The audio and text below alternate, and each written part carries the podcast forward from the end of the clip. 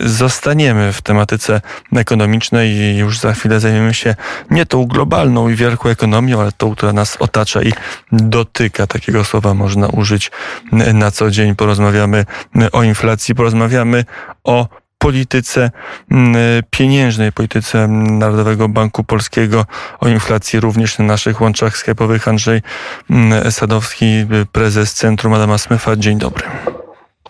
Dzień dobry. Mieliśmy wczoraj konferencję premiera Mateusza Morawieckiego, dzisiaj uzupełnienie na kongresie ekonomicznym Impact w Poznaniu. Rząd uznał, że musi zareagować na sytuację ekonomiczną, która dotyka kredytobiorców, na e, rosnące raty kredytów, na podnoszenie stóp procentowych. No i z jednej strony są wakacje kredytowe, o tym, o czym premier mówił wcześniej, ale z drugiej strony, czy zmiana e, naliczania stawki kredytu WIBOR ma odejść do przeszłości od 1 stycznia roku przyszłego, ale z drugiej strony jest też apel i, i, i zapowiedź jakichś działań prawnych co do oprocentowania lokat bankowych. Jak pan prezes ocenia te już bardziej konkretne działania rządu, czy zapowiedzi działań rządu w kontekście e, oprocentowania kredytów? Pomoc jest potrzebna teraz, a nie od 1 stycznia 2023 roku, do którego to momentu e, należy założyć, że Rada Polityki Pieniężnej jeszcze nie raz podejmie decyzję o zmianie stóp procentowych, raczej w kierunku ich zwiększenia. Ale tak na dobrą sprawę, źródłem problemów dzisiaj kredytobiorców, ale też e, firm, które płacą coraz więcej za pieniądz, jest inflacja. A ta w dużej mierze jest w rękach jednak polskiego rządu i jest to konsekwencja prowadzenia polityki proinflacyjnej. Konsekwencją polityki proinflacyjnej jest zmiana stóp procentowych, co przekłada się oczywiście na koniec e, dla kredytobiorców i jakby zwiększenia ich e, zobowiązań comiesięcznych wobec banków.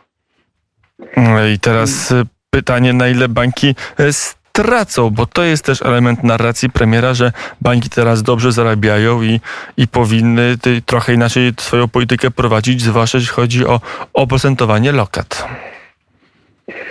Przy takim poziomie kartelizacji usług bankowych w Polsce e, banki, że tak powiem, nie podzielą się swoimi zyskami. Tak jak to zresztą było, o czym warto przypomnieć, w przypadku wprowadzania tak zwanego podatku bankowego. Okazało się, że po wprowadzeniu podatku bankowego, który był, jakby nie było już samej nazwy, wymierzony wobec e, nadzwyczajne zyski banków, okazało się, że są one w stanie cały ten podatek, jak to też ma miejsce we wszystkich innych podatkach, łącznie z VAT-em, przenieść na konsumenta. Czyli my, jako klienci banków, zapłaciliśmy i za podatek bankowy, i za dodatkowe jeszcze zyski banku, który przy, banków, które przy tej okazji tego podatku mm, zrealizowały. Także wystarczy tylko cofnąć się nie tak daleko w historii, aby zrozumieć, że tego typu zapowiedzi e, rządu e, niestety odbiją się na nas jako przymusowych e, uczestnikach systemu bankowego, bo wprowadzono przez przymus bankowy, że każdy z nas musi posiadać konto w banku. Natomiast jeżeli naprawdę chce się pomóc kredytobiorcom, to przede wszystkim trzeba zlikwidować, jak mówiłem, politykę proinflacyjną i przywrócić wartość złotego, która by skutkowała też e, wieloma innymi pozytywnymi procesami, między innymi też e, obniżeniem zobowiązań, e, jeżeli chodzi o dług publicznych Dzisiaj w wyniku zmiany stóp procentowych szacuje się, że co roku dodatkowo z tego tytułu w długu dodatkowo tylko oddamy 60 miliardów złotych rocznie. Także polityka proinflacyjna na początku jest bardzo może atrakcyjna i korzystna dla samego rządu, ale w konsekwencji niestety ma e, rozlewające się i bardzo daleko idące i niszczące niestety konsekwencje. No ale wracając do tej pomocy, bo pomoc tu jest kluczowa i są oczywiście osoby, które znajdą się albo już znajdują w trudnej sytuacji. Tylko też trzeba pamiętać, że banki nawet przy zerowych stopach realnie procentowych uwzględniały, że stopy procentowe będą rosnąć i żeby patrzeć na możliwości spłaty e, po stronie kredytobiorców większych rat niż te, które były na dzień decyzji o przyznaniu kredytu. Stąd banki, przynajmniej te zachowujące się profesjonalnie, antycypowały wzrost stóp procentowych w naszym państwie. E, dlatego warto sobie odpowiedzieć, jaka dzisiaj jest realna grupa policzalna osób, które mają dziś problem i będą miały w ciągu kolejnych decyzji Rady Polityki Pieniężnej, bo mówienie o pomocy dla wszystkich kredytobiorców jest trochę e, nie na miejscu i jest wytwarzaniem sztucznym problemu, który być może można byłoby zlokalizować do naprawdę tych, którzy potrzebują pomoc, a ta pomoc jest e, od dawna gotowa ze względu na inicjatywę pana prezydenta państwa i jest utworzony na tą okoliczność fundusz przy Banku Gospodarstwa Krajowego, który na dzień dzisiejszy, jak widać, nie jest specjalnie nadwyrężony i czeka na takie sytuacje.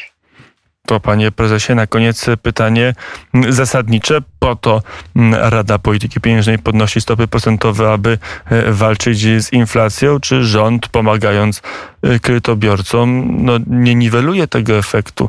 Dzisiejsza Rzeczpospolita e, pisze i ma obawy o tym, czy, czy nie jest tak, że wakacje kredytowe podtrzymają inflację. Tytuł dzisiejszej Rzeczpospolitej. Nie, no to nie wiem, jak można łączyć jedno i drugie, zwłaszcza, że wakacje kredytowe są w zakresie normalnej umowy między bankiem a kredytobiorcą i kredytobiorca może w każdej chwili wystąpić o takie rozwiązanie dla siebie, może poprosić też o wydłużenie lat, jeżeli chodzi o trwanie kredytu.